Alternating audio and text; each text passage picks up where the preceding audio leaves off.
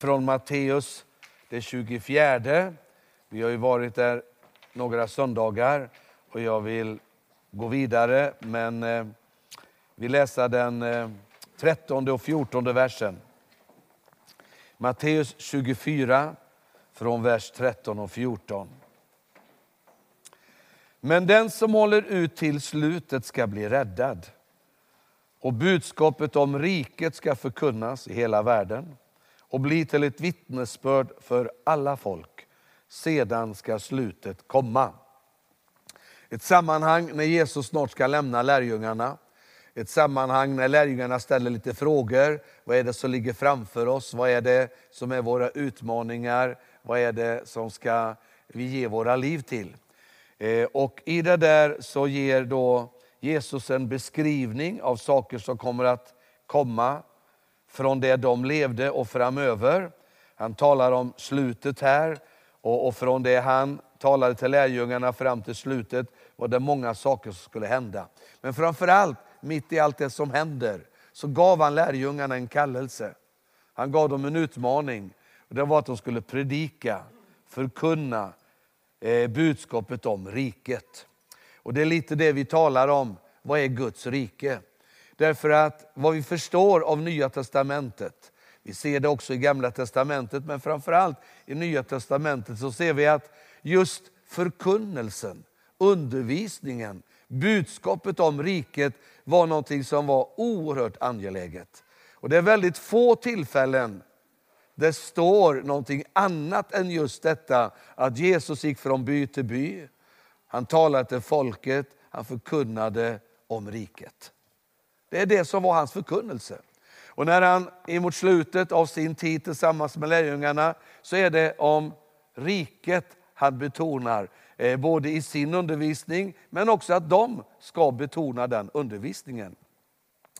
Eh, och Vi vet också efter hans uppståndelse, när han är tillsammans med lärjungarna innan hans himmelsfärd, så använder han den tiden till att förkunna för lärjungarna, undervisa just om riket. Och Sedan står det vid några tillfällen att han sänder ut sina lärjungar under den tiden de vandrar med Jesus.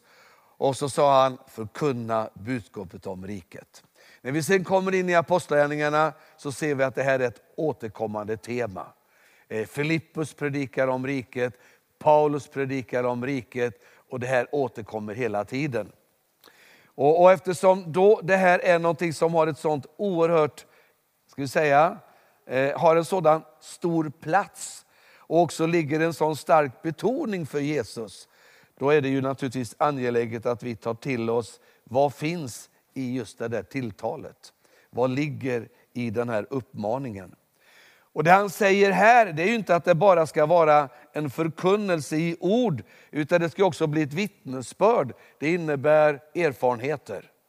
Eh, det vi vittnar om, det är ju inte vad vi har hört i första hand, utan det är ju vad vi har varit med om. Alltså vittnen, eh, eh, vittnen vill man ju ha som har varit med om en händelse, inte de som har hört talas om den. För då vet man att så fort i andra, och tredje och fjärde led så börjar saker förändras. Och, och här säger Jesus då att det, det som ligger i vår kallelse, det är att förkunna riket och förkunna riket utifrån den undervisning som finns, men också utifrån de erfarenheter vi gör och lever med i riket. Och Vi har ju de här nyckelorden också, som är viktiga att påminna oss om. Låt oss göra det i Apostlagärningarna 28. Det står om att Paulus, i slutet av Apostlagärningarna här, är i Rom. Han är där så att säga både utav en fångenskapssituation men också dröjer kvar eh, under en tid i hela två år där på egen bekostnad. Så han, han, han valde att stanna där också. Och då står det i Romarbrev, förlåt, Apostlagärningarna 28 ifrån vers 30. Där stannade Paulus i hela två år på egen bekostnad. Han tog emot alla som kom för att besöka honom och han förkunnade Guds rike och undervisade om Herren Jesus Kristus med stor frimodighet och utan att bli hindrad. Och Vi läste tidigare här också, från vers 23. Man kom överens om en viss dag och då infann sig ännu fler hos honom, alltså hos Paulus, där han bodde. Från morgonen till sena kvällen vittnade han om Guds rike och utlade vad det innebär. Och utgående från Mose lag och profeterna sökte han vinna dem för tron på Jesus.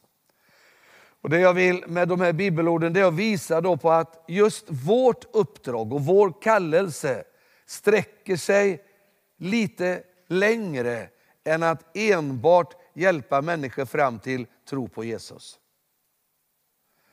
Och tro på Jesus är per automatik inte detsamma sak som undervisningen om riket. Utan det finns en undervisning om att komma till tro på Jesus. Men det finns också en undervisning om riket. Och därför så behöver vi ha en klarhet över vad som det är det ena och det andra.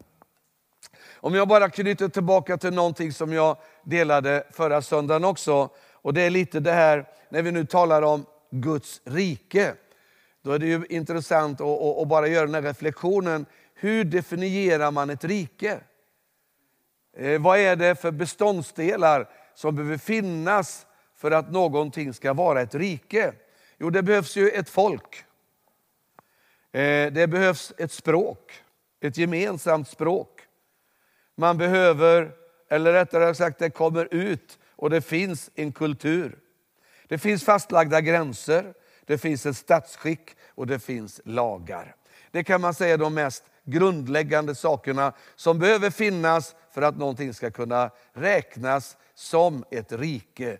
Om det sen då är ett konungarike eller om det är en republik, eh, republik eller eh, monarki eller vad vi nu ska kalla det för, så, så är det just de här sakerna som behöver finnas. Och, och, och Det intressanta är då när man liksom börjar titta lite vad Guds ord undervisar just om Guds rike, så är det faktiskt de här sakerna vi hittar där också. Och, och eh, Vi började ju förra söndagen lite och tala lite framförallt om detta med gränserna. Varje rike har gränser. Det finns någonting när man är innanför gränsen och det finns någonting när man är utanför gränsen. Och, och, På samma sätt är det med Guds ord. När det undervisar om riket så talar det om att det går att leva utanför och det går att leva i riket. Och, och eh, Vi behöver få en, en, en rätt bild av det där. Och Sedan sa jag att jag skulle också återkoppla till den här söndagen. Vi skulle tala lite mer om det här med kulturen. Därför att kultur är någonting som odlas, någonting som växer fram. Men om jag bara återigen knyter an till någonting till förra söndagen och säger så här att ska vi riktigt förstå det här med gränserna för Guds rike, då behöver vi veta inte bara vad som finns i riket utan vad som finns utanför riket. Eh, och grundläggande undervisar Bibeln om två riken. Det ena riket heter Guds rike, det andra riket heter världens rike. Bibeln säger ofta världen eller världens rike. Och när vi tänker som troende gör vi oftast då det här misstaget att när vi tänker världen, inte minst bland frikyrkliga, så tänker man alltid att världen, det är platser som är då utanför en kyrka eller utanför där vi säger halleluja. Eh, eller det är en livsstil, alltså man lever på ett lite annorlunda sätt än man tycker man borde leva om man tillhör en kyrka. Men så undervisar inte Guds ord. Guds ord undervisar om världen på ett helt annat sätt. Den talar om att det är en andlig verklighet. Inga fysiska platser, ingen fysisk livsstil, utan det är en andlig verklighet. Det är ett rike och till och med en världsordning. Ett rike som också har någon som råder i det riket. Om vi tittar på några bibelord, så vi får med oss det också. Johannes 14.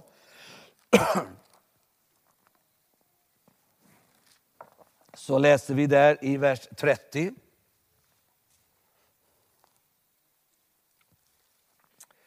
Jag säger inte mycket mer till er, ty nu kommer världens härskare, men han har ingen makt över mig.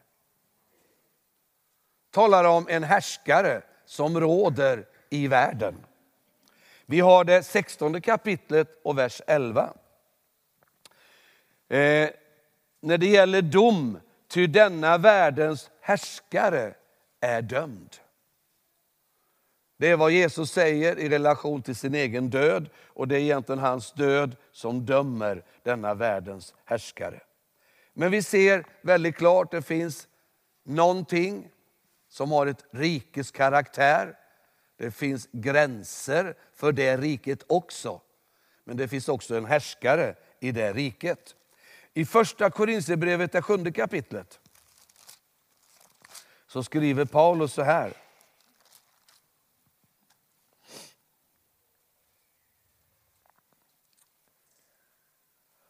Och de som lever i världen som om de inte levde av den.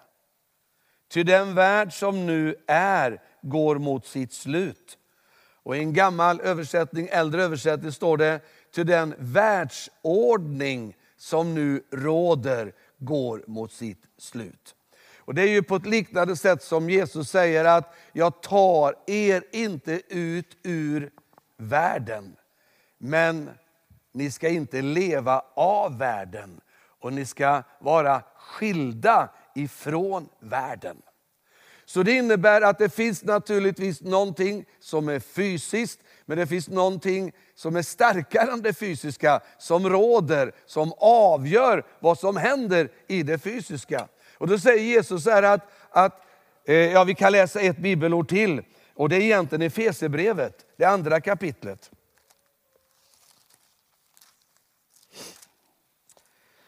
Så, så skriver Paulus ifrån vers 1. Ni var döda genom era överträdelser och synder. Den gång ni levde i dem på denna tidens och världens vis och lät er ledas av försten över luftens rike, över den andemakt som nu är verksam i olydnadens människor.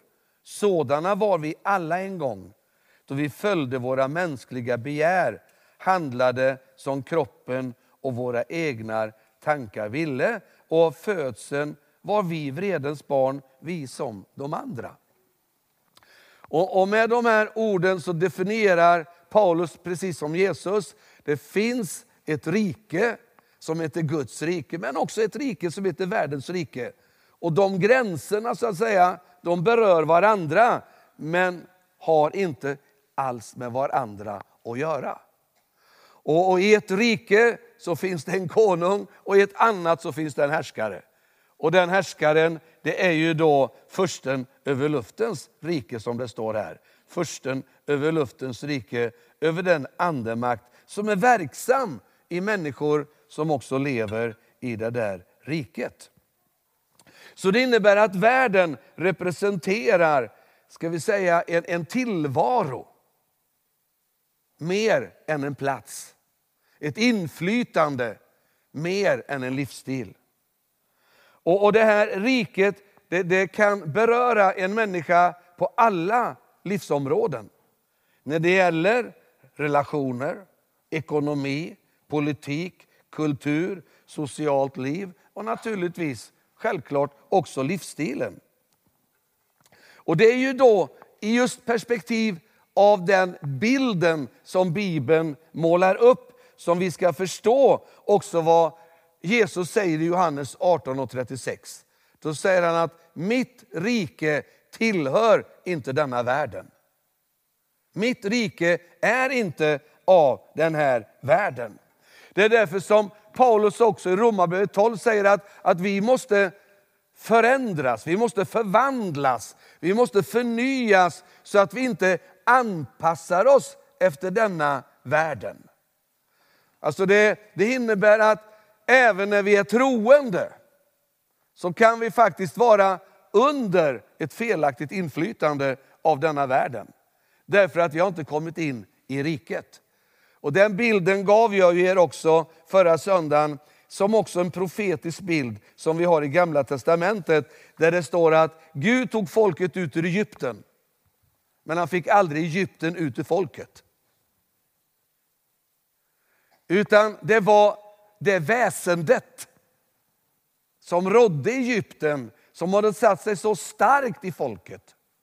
Så att även när de gick ut ur Egypten bar de med sig samma väsende. Och fast de trodde på honom som ledde dem, så var de med, hade de med sig det de skulle ha lämnat i Egypten. Och just det de hade med sig stängde dörrarna för dem att komma in i löfteslandet. Och det är detta som egentligen Nya Testamentet har som grundläggande undervisning om, är just den här delen.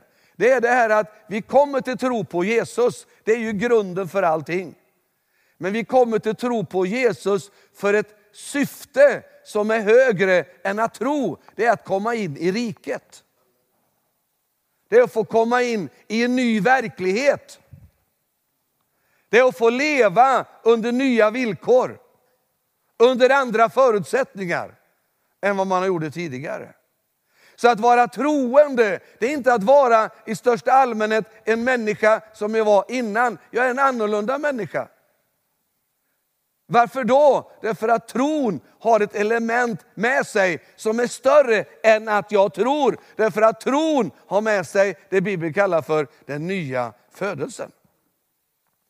Om man tittar på Guds rike, när, när Bibeln undervisar om det, så, så visar det klart och tydligt att riket har aldrig funnits närvarande i mänskligheten förrän Jesus kom. Så alla som levde på det sättet innan Jesus kom på jorden, till jorden, levde utan för den möjligheten och verkligheten att komma in i Guds rike. Och Vi har ett bibelord i Lukas 16 och 16 som jag vill läsa.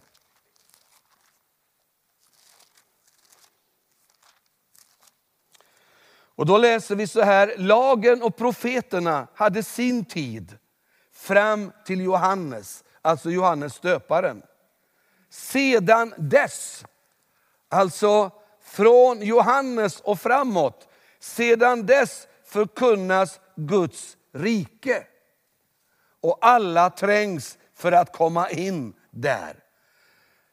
Du vet, det intressanta det är ju det här att även under lagens tid så fanns det förlåtelse. Därför att Gud hade ju gett dem en möjlighet och en, en nåd i det också. Därför att du kunde komma och, och, och offra, du kunde ge dina olika offer, kunde komma till templet, kunde gå till prästen, du kunde gå till leviterna och på det sättet få hjälp att avbörda dig det som plågar dig. Så förlåtelse fanns redan under lagens tid. Men det som inte fanns under lagens tid, men som kom med Guds rike, det är det nya livet. Pånyttfödelsen. Förvandlingen av en människa. Det som gör en vanlig människa till en annorlunda människa. Därför att helt plötsligt så har det i den människan landat en annan verklighet som heter Guds rike. Genom den nya födelsen. Och därför så läser vi i Romarbrevet, det 14 kapitlet och vers 17. Guds rike är inte mat och dryck, utan rättfärdighet och frid och glädje i den helige Ande. Så det innebär att på ett liknande sätt som att också världen inte bara då är platser eller enbart en livsstil, utan det är en andlig verklighet, så är också Guds rike en andlig verklighet. Och du vet, det Bibeln vill undervisa oss om hela tiden, det är ju det att det är inte det synliga som är det bestående. Det är inte det synliga som är det starka, utan det är ju det osynliga, det andliga. Därför att egentligen är det synliga bara skuggan, reflektionen av det andliga. Både på gott och ont. Så det innebär att när det onda slår igenom är det en skugga av vad som pågår i Andens värld. När det goda slår igenom är det också en skugga av vad som egentligen pågår i den andliga världen. Så riket kom med Kristus. Därför att Jesus han dog för våra synder en gång för alla. Han uppstod för vår rättfärdighet en gång för alla. Och alla som sätter tro på honom får inte bara en tro på honom, får ett nytt liv. Man blir ett Guds barn och när man blir ett Guds barn blir man också medborgare i Guds rike. Helt plötsligt så fick man med Jesus hela Guds rike tillgängligt för mig. Och då är det på det sättet att riket finns i den helige Ande, men upprättas i den närvarande kommer till, blir synligt, blir påtagligt genom människor som blir födda på nytt och som börjar leva utifrån det nya livets förutsättningar. Det är så riket bryter in i tiden. Riket bryter inte fram för att vi tror på Jesus bara. Utan det är att den tron på Jesus leder oss vidare. Leder oss till en förståelse. Jag är född på nytt. Jag är en ny människa. Inom mig finns en ny verklighet som jag saknade förut. Och den verkligheten är Jesus i mig.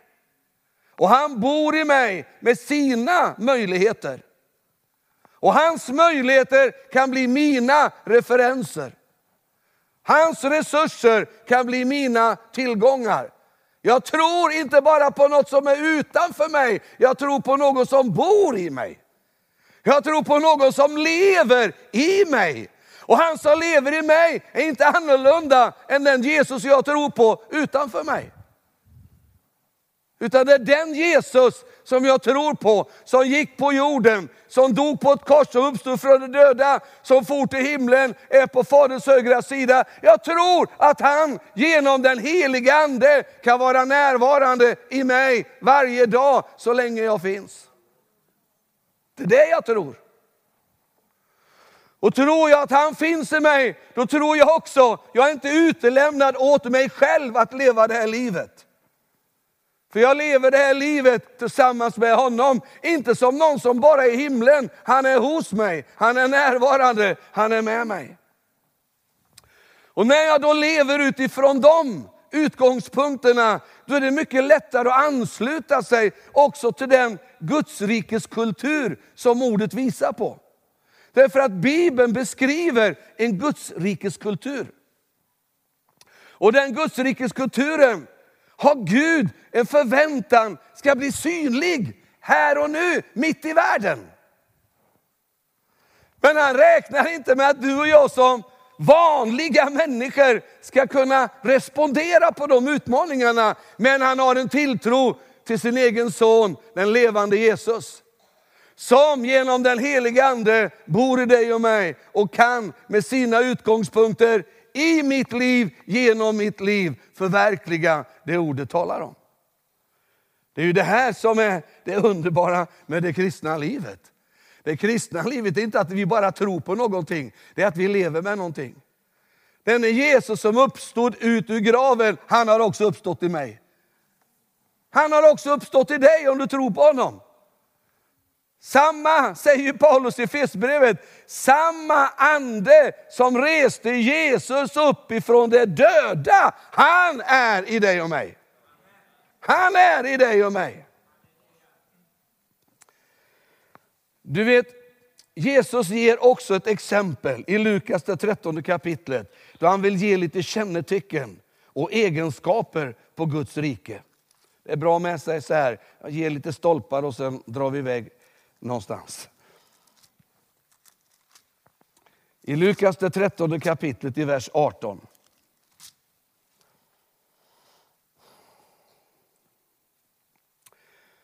Så sa han, alltså Jesus, vad är då Guds rike likt?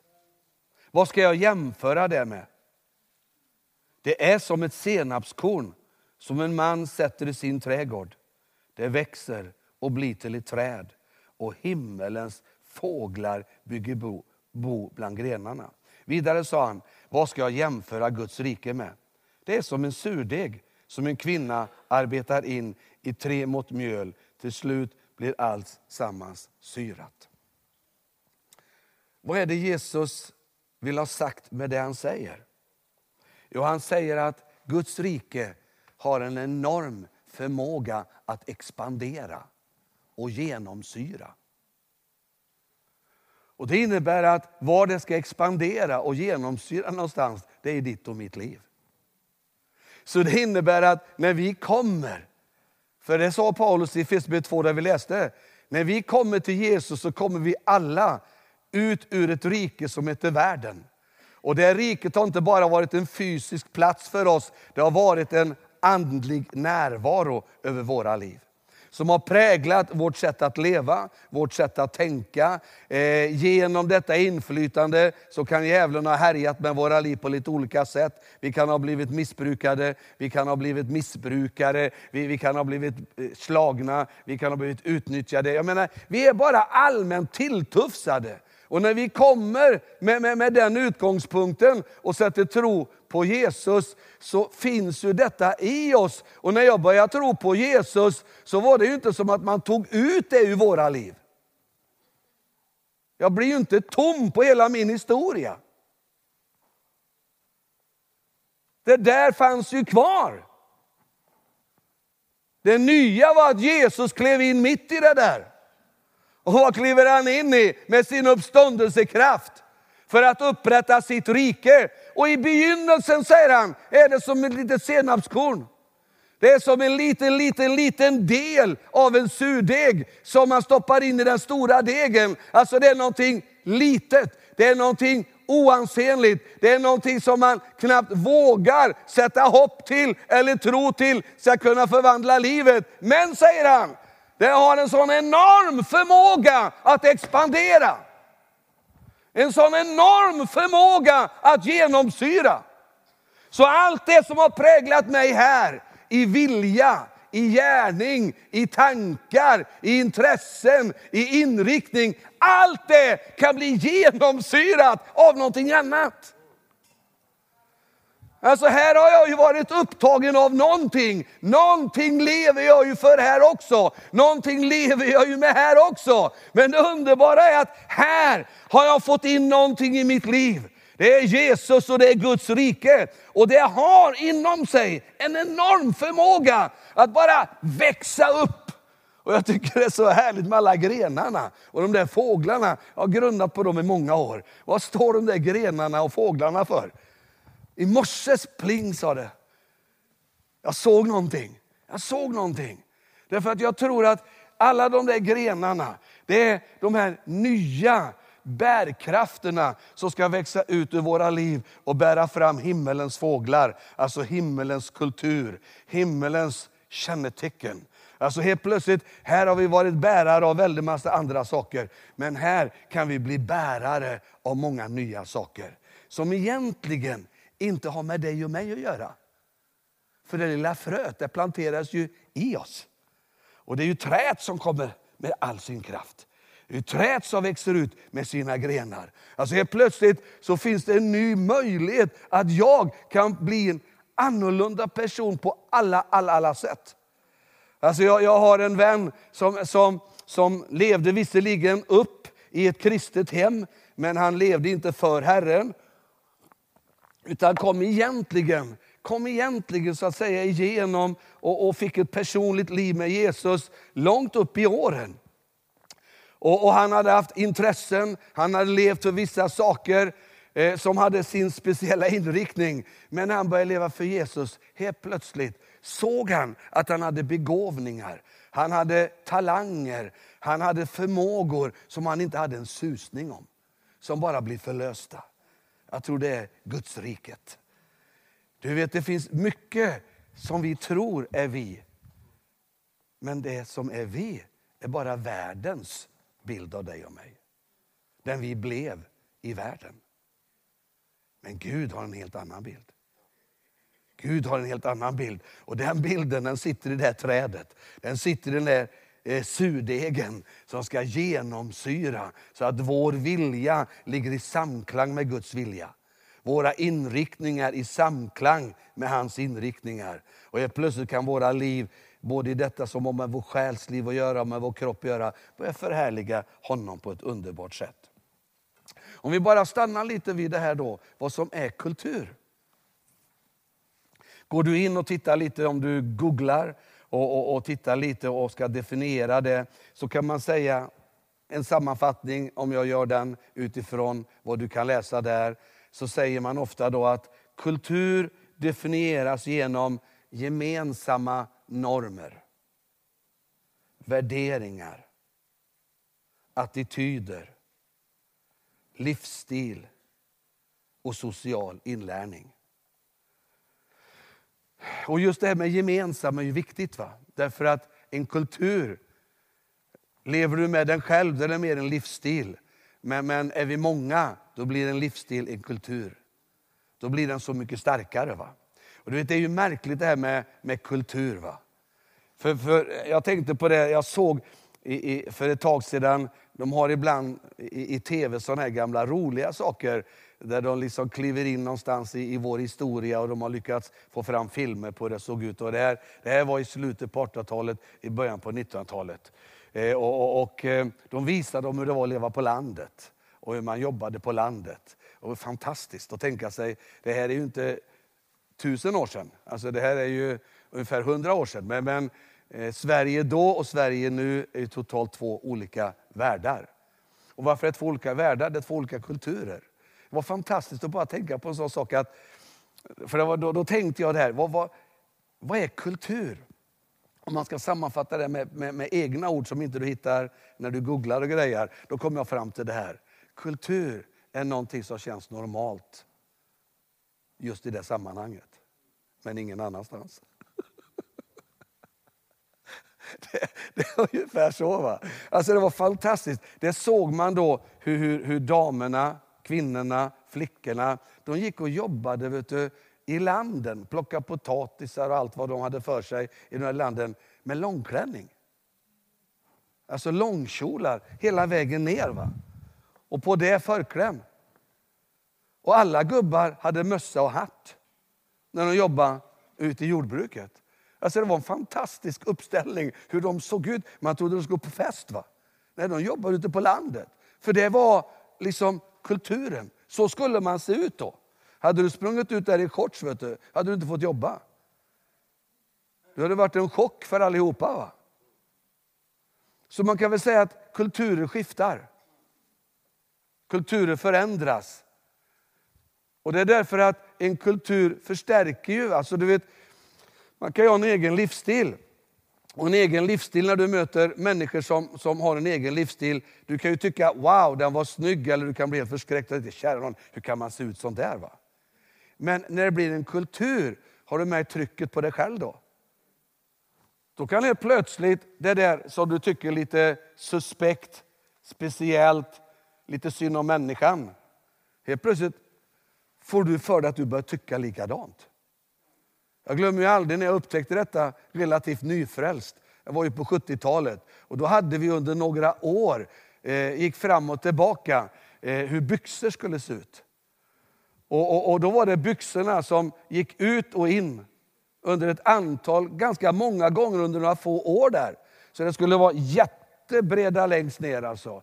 Eh, seglarbyxor och sen var det ju stuprör. Och, och, och mitt i det där så plötsligt kom jag att tänka på en tanke som gjorde mig nästan lite sådär skärrad. Och det var det här att varför kan jag tycka i år att någonting är görfult som jag tyckte jag tyckte om förra året? Vad är det för mekanism i mig som får mig att bara tycka något annorlunda? Därför att där kunde man ju inte gå klädd på ett annat sätt än som kulturen sa.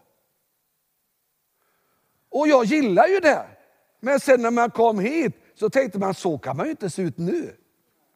Nu måste man ju se ut som här. Och då tänkte jag, och det var då jag såg att ja, men i detta finns ett enormt tryck som heter påverkan, inflytande. Och jag plötsligt började tänka att det är ju inte jag som väljer. Jag bara ansluter mig till någon som bestämmer, så här ska vi se ut. Och så här är det ju. Varför är det så? Det är en kultur. Det är alltså gemensamma normer, värderingar, attityder, livsstil och social inlärning. Man kan också krympa ner det här till att prata om språk, värderingar och normer. Språk, värderingar och normer. Om vi tänker på värderingar så är det allmänna föreställningar om vad som är rätt och fel. Och normer, det är det här som så att säga regler och förväntningar som styr oss i relation till varandra i ett samhälle. De behöver inte alltid vara nedskrivna, de kan vara det, men det är bara en gängse bit. Man vet precis när jag är utanför och när jag är inne. Det här är grundläggande så att säga. Och nu så finns det någonting som jag påstår och som jag menar är förankrat i Guds ord. I Guds rike, som är ett annat rike än världen. Varifrån vi alla har vår ursprung. Vi alla kommer, säger Paulus, ifrån världen. Men genom nåd av Jesus Kristus så kommer vi inte bara till tro på Jesus. Han kan flytta oss ifrån det här riket och ta in oss i ett annat rike, i Guds rike. Och i det riket finns det också en kultur. Det finns också en Guds rikes kultur. Och du vet, då kan man uppleva det här som man också rent generellt talar om, kulturkrockar. Vad är en kulturkrock? Ja, det kan man säga en, en beskrivning av kulturella konflikter på individnivå. Det är den här frustrationen, krångligheten som, som möter dig och mig när vi hamnar i ett totalt ska vi säga, okänt sammanhang. Vi kan inte fatta varför de gör som de gör och varför eh, du vet, maten smakar annorlunda och Eh, doften är annorlunda. Och vi får det bara jobbigt. Varför? För jag är van vid något annat. Skulle du vara född där så skulle du aldrig liksom få de reaktionerna. Det är också väldigt bra att veta. Alltså du måste förstå det. Alltså därför att, alltså ofta säger vi så här liksom att vi får inte göra våld på oss själva. Vi måste alltid förstå liksom att det är viktigt att följa sitt eget hjärta och sådana här saker. Jo, jo, men som troende räcker det inte. Vi måste ha en förankring i Guds ord också. Därför att det finns väldigt mycket som vi menar är rätt. Som bara är rätt utifrån att du har en kulturbakgrund på ett visst sätt. Och därför kan vi inte idag kanske förstå liksom att de på 40-talet och 50-talet i Sverige, då fick man inte se ut som många av er kvinnor gör idag. För då hade ni förlorat frälsningen. Och man kan tänka, var de kloka? Ja, de levde i en kultur. Som ungefär en annan kultur när de gick ut och plockade potatis i långkjol. Så varje kultur är normal för den som lever där. Då. Men utanför kan vara totalt främmande. Och Det här är väldigt viktigt att ha med sig när vi talar om ett kristet liv, när vi talar om att vandra tillsammans med Jesus. Därför att att bli född på nytt, tala om kulturkrock. Tala om kulturkrock. Kära någon. Och då är det väldigt viktigt att förstå att du kommer ju ut ur en sfär, en kultur och ska in i en annan. Och nu kan det ju vara en sån där trippelkrock här då. Va? Därför att om jag tänker på mig själv när jag kom till tro, så var det ju så då att, att här kommer jag ut ur min prägling av världen. Så fanns Guds rike här och när jag tittade in i det riket på de människorna som levde där fick jag ju en chock. Jag tänkte, ska man se ut sån? Ska man bete sig sån för att tillhöra riket? Och, och då upptäckte jag ju med tid sedan att nej, alltså den kulturen där, det var mer vad vi kan kalla för då en variant av Guds rikes kultur. Det var det man kan kalla för en sammanblandning utav världens kultur och Guds rikes kultur. Man vred till någonting, sätter man ett kristet etikett på det. Men Guds ord talar väldigt klart om de här sakerna.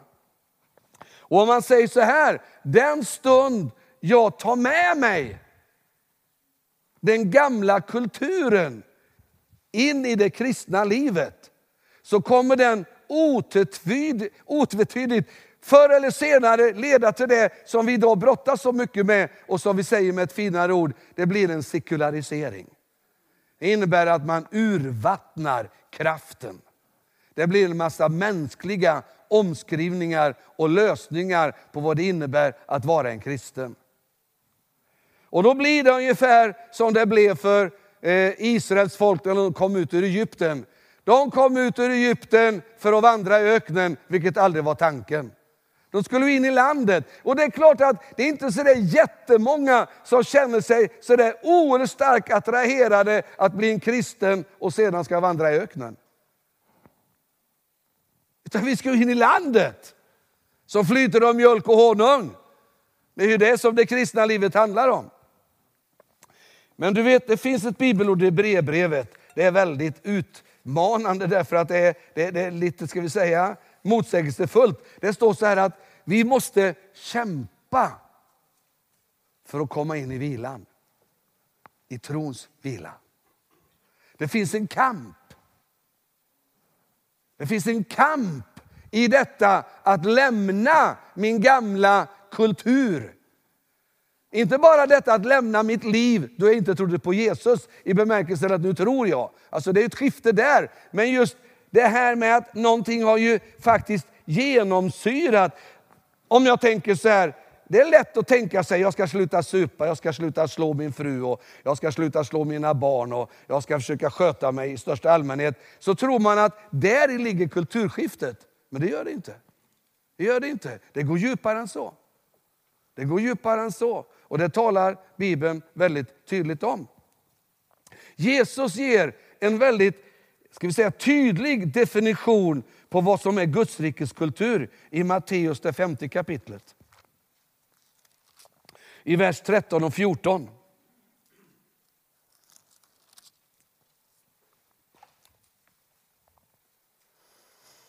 Ni är jordens salt. Men om saltet mister sin kraft, hur ska man då få det salt igen?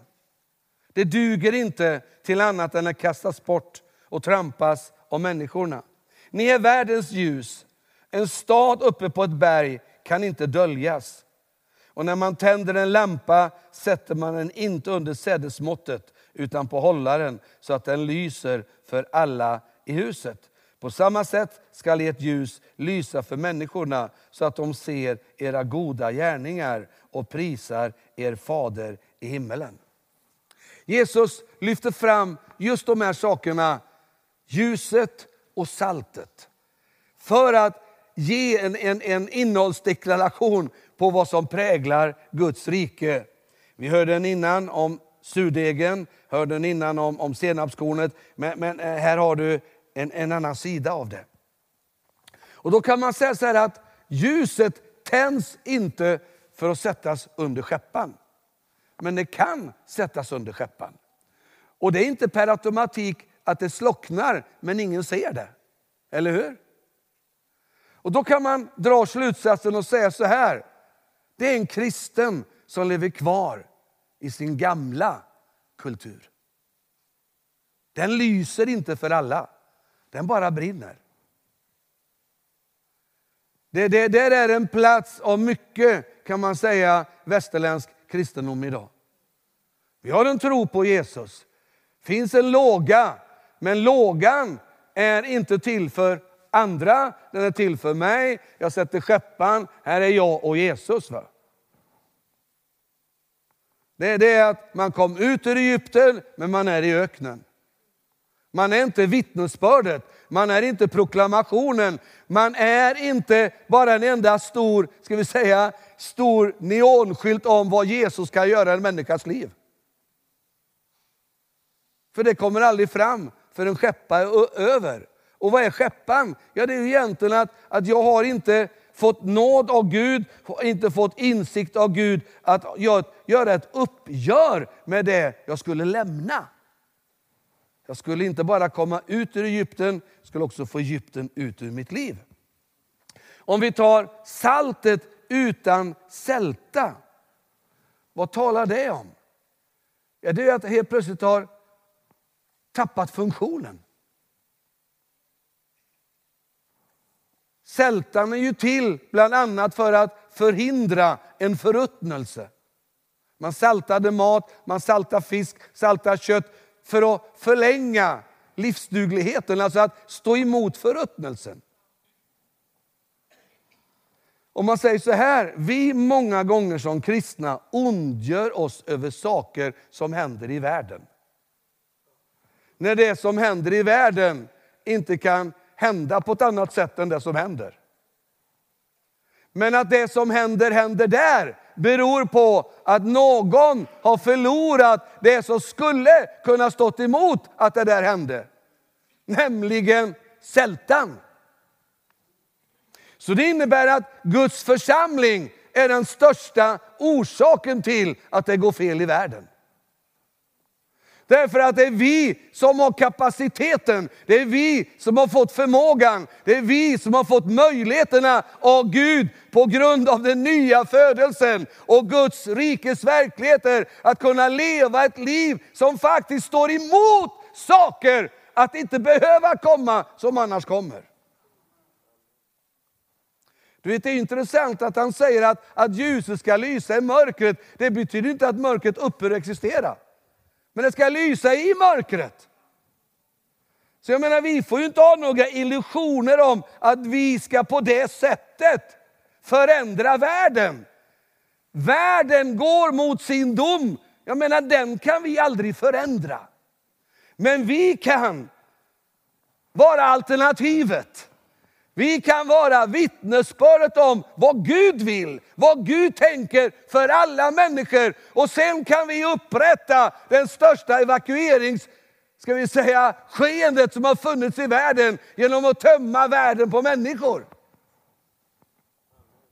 Det är ju det som är vår kallelse. Världen är präglad av sin tidsålder, sin anda och ande. Men Guds rike har en annan ande, har en annan anda, har en annan kultur. Och det är ingen idé vi sitter här och klagar på vad som sker där. Låt oss få tillbaka sältan. Låt oss flytta bort skeppan så att det lyser lite mer. Så att det finns lite mer bett, ett annat salt i våra liv. Och det är då som vi måste på något sätt landa i detta. Vad säger Guds ord då om konkret en Gudsrikeskultur som vill erövra våra liv och som vi ska erövra? Och då blir det samma utmaningar för dig och mig som det blev för folket. De kom ut ur Egypten i kraft av Lammets blod, men de skulle in i landet i tro. Och detta är vår utmaning. Och därför så börjar alltid Gudsrikeskulturen inte utanför dig och mig, utan inom dig och mig. Det är alltid där. Vi kan aldrig upprätta en Gudsrikeskultur i tiden på någon annan väg än att den upprättas i dig och mig. Och genom dig och mig kan den sedan få förgreningar, bära många fåglar. Kan den sedan bli genomsyrad i våra liv och vi kan bli en surdeg för många andra och välsigna. Om du tar fram Efesierbrevet, det femte kapitlet. Så tittar vi därifrån, vers 8 eftersom vi är inne på detta med, med ljuset.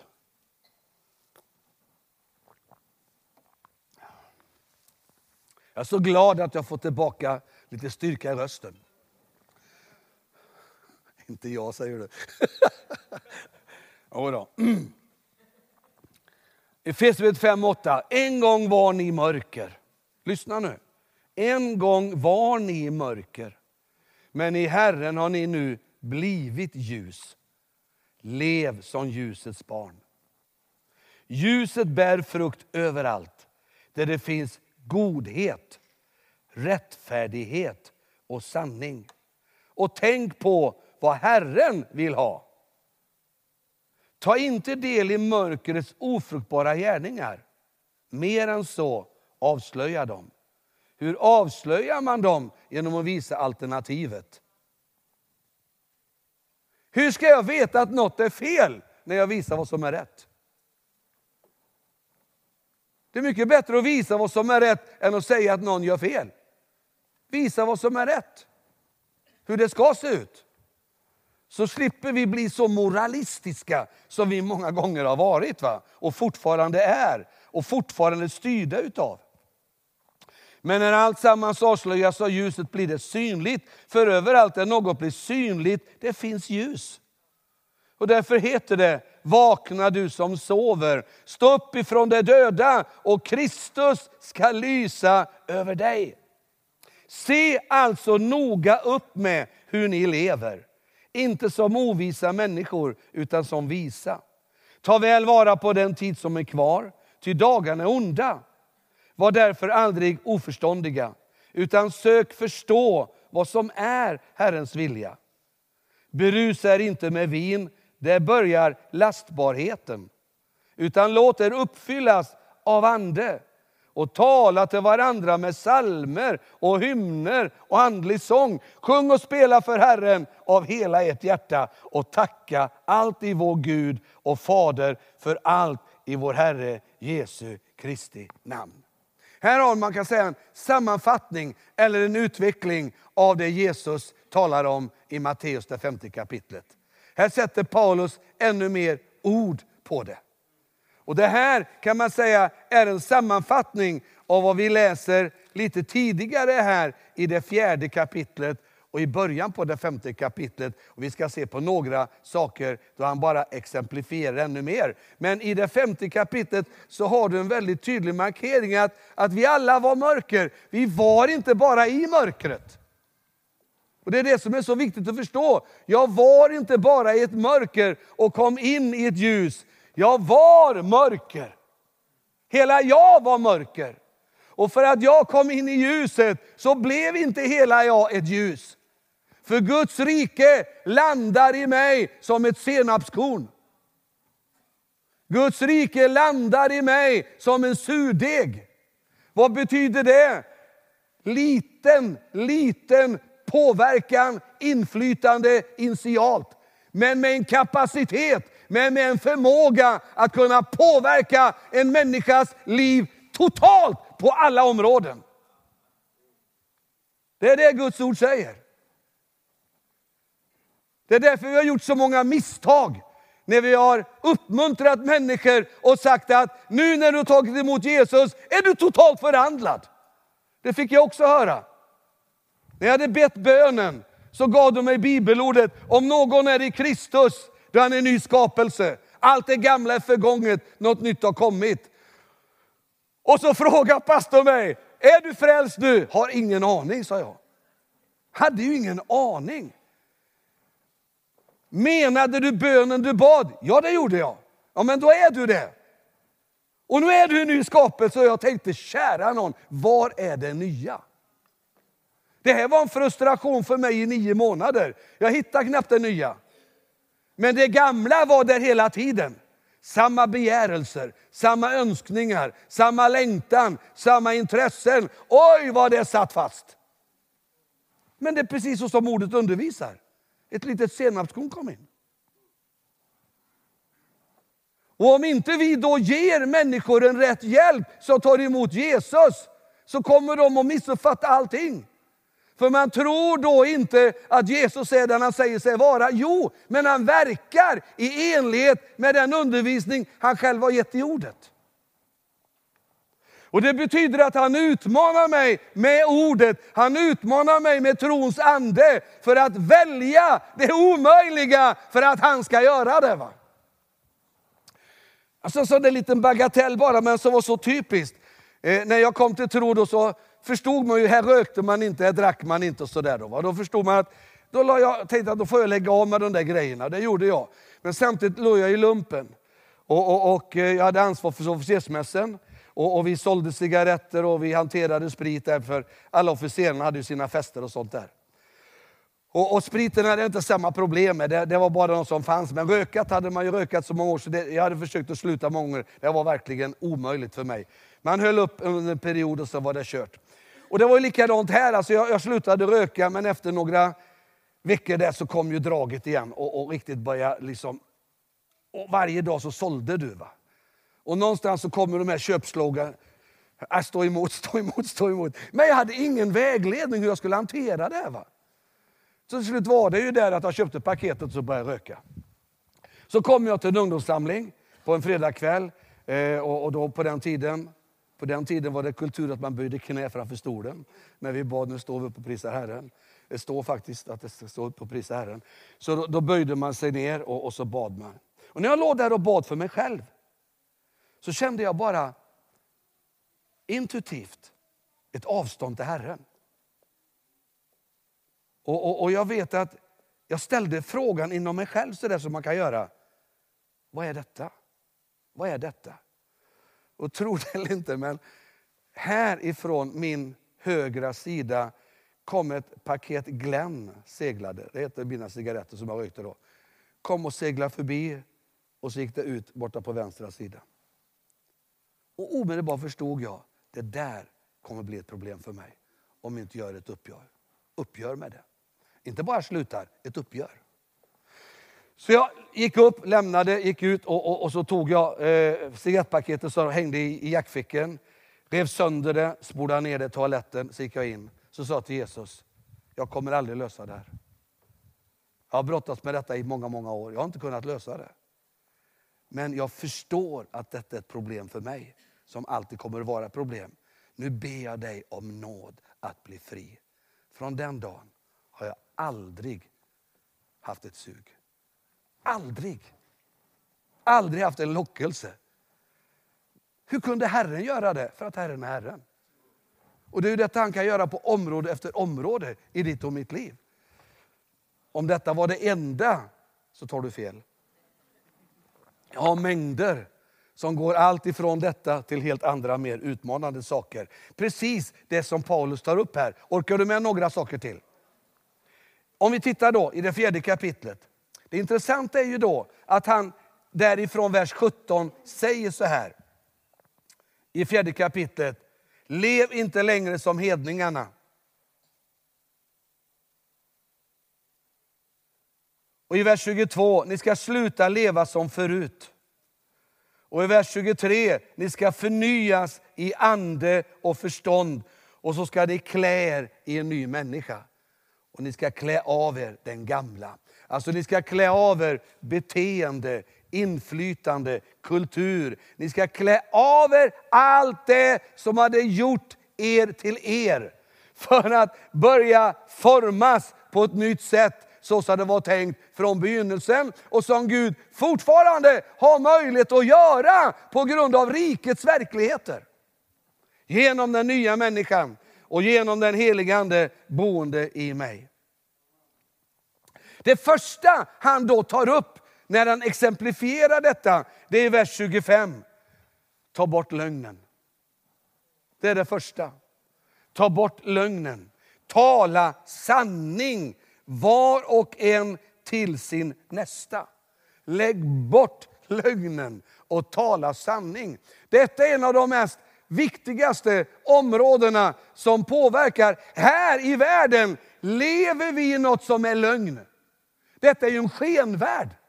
Detta är en fantasivärld. Detta är inte verkligheten. Det är bara det faktiska, det fysiska, men verkligheten är större.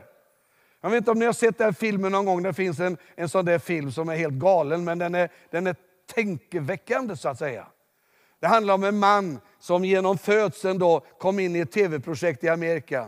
Och man har alltså byggt upp en jätteby med tak över allting. Allt var en sluten värld. Och där fick han leva upp sitt liv. Han trodde han levde i världen. Han levde, förlåt, i verkligheten, men han levde i en fejkad värld. Det kan man säga allt vad det är att vara i världen. Men det fanns en verklighet utanför den. Han hade ingen aning om den, men efter hans och filmen går börjar han ana, han börjar se igenom, därför att det fanns lögner. Om man säger så här, där lögn finns kommer alltid Guds rike att backa. Det gäller ditt och mitt personliga liv, det gäller våra familjer, det gäller våra äktenskap, det gäller våra församlingar. Är det någonting som är viktigt? Är det någonting som verkligen är det mest grundläggande som Jesus vill göra i våra liv när vi kommer ut ur lögn? Det är att bli fria från lögn. Det är att våga och vilja välja tala sanning vilket pris vi än betalar. För att tala sanning, att vara full av sanning, har ett pris med sig hela tiden. Det kostar någonting hela tiden. Att vara sanning och vara sanningsenlig mot sin fru, mot sina barn, mot sina arbetskamrater, mot sina församlingsmedlemmar. Att vara sann, att vara ärlig, det har ett pris med sig. Men om inte jag är beredd att betala det priset, då sitter jag också någonstans. Jag sitter någonstans, jag har, jag har en uppankringsplats. Var då? I världen och i lögnen. Och den hindrar mig. Hebreerbrevet talar om att vi ska kapa allting som snärjer. Vi ska kapa allting som binder. Vi ska lägga av oss allting som begränsar för att vi ska kunna springa trons liv. En sån här sak kan ödelägga en människa att leva trons liv. Tala sanning. En annan sak som kommer här, det är ju detta att den som stjäl ska sluta stjäla och istället arbeta och sträva med egna händer så han kan dela med sig av sitt goda åt dem som behöver. Jag skulle vilja sätta en annan rubrik än stöld där. Rubriken är ansvar. Ansvar. Är det någonting som kännetecknar Guds rikes kultur, det är att människor börjar ta ansvar. Här är vi präglade av att fly ansvar. Därför att det har med världens ande att göra. Eh, vi, vi har inte ansvar för någon, knappt för oss själva. Va? Därför att om det går illa för mig så är det någon annans fel. Där är man ofta offret. Jag har drabbats av tusen saker. Ja, men finns det inte en enda millimeters möjlighet att du kan ha en delaktighet av problemen? Nej, nej, nej, nej. Jag har mött och jag har mött och jag har mött. Men du vet, det första som finns i Gudsrikeskulturen, det är att ut med lögnen och resa upp ansvar. Och det är att jag vill ta ansvar för mitt liv. Jag tar ansvar för mina gamla saker. Jag tar ansvar för allt som har med mitt liv och jag gör det framåt. Och tar ett sådant ansvar att jag kan ta ansvar för andra. Har inte som en prio i mitt liv att andra ska ta ansvar för mig. Jag vill ta ansvar för andra. Jag finner den största tillfredsställelsen och glädjen att få hjälpa där behov finns. För det står ju där, åt de som behöver. Där det finns behov, där har jag min glädje att få möta dem. Och det kan jag. Och en av de sakerna, alltså det, det här är ju en, en, en utmanande sak. Men, men jag tror det är väldigt viktigt att vi får vara väldigt tydliga på det här sättet också. Att ta ansvar är att alltid betala sina räkningar i tid. Alltså det, för mig är det skrämmande när kristna sammanhang inte gör det. Och gör det i sken, i ljus och i ord av att man känner Gud. Man kan inte det. Man kan inte det. Jag menar det på fullaste allvar.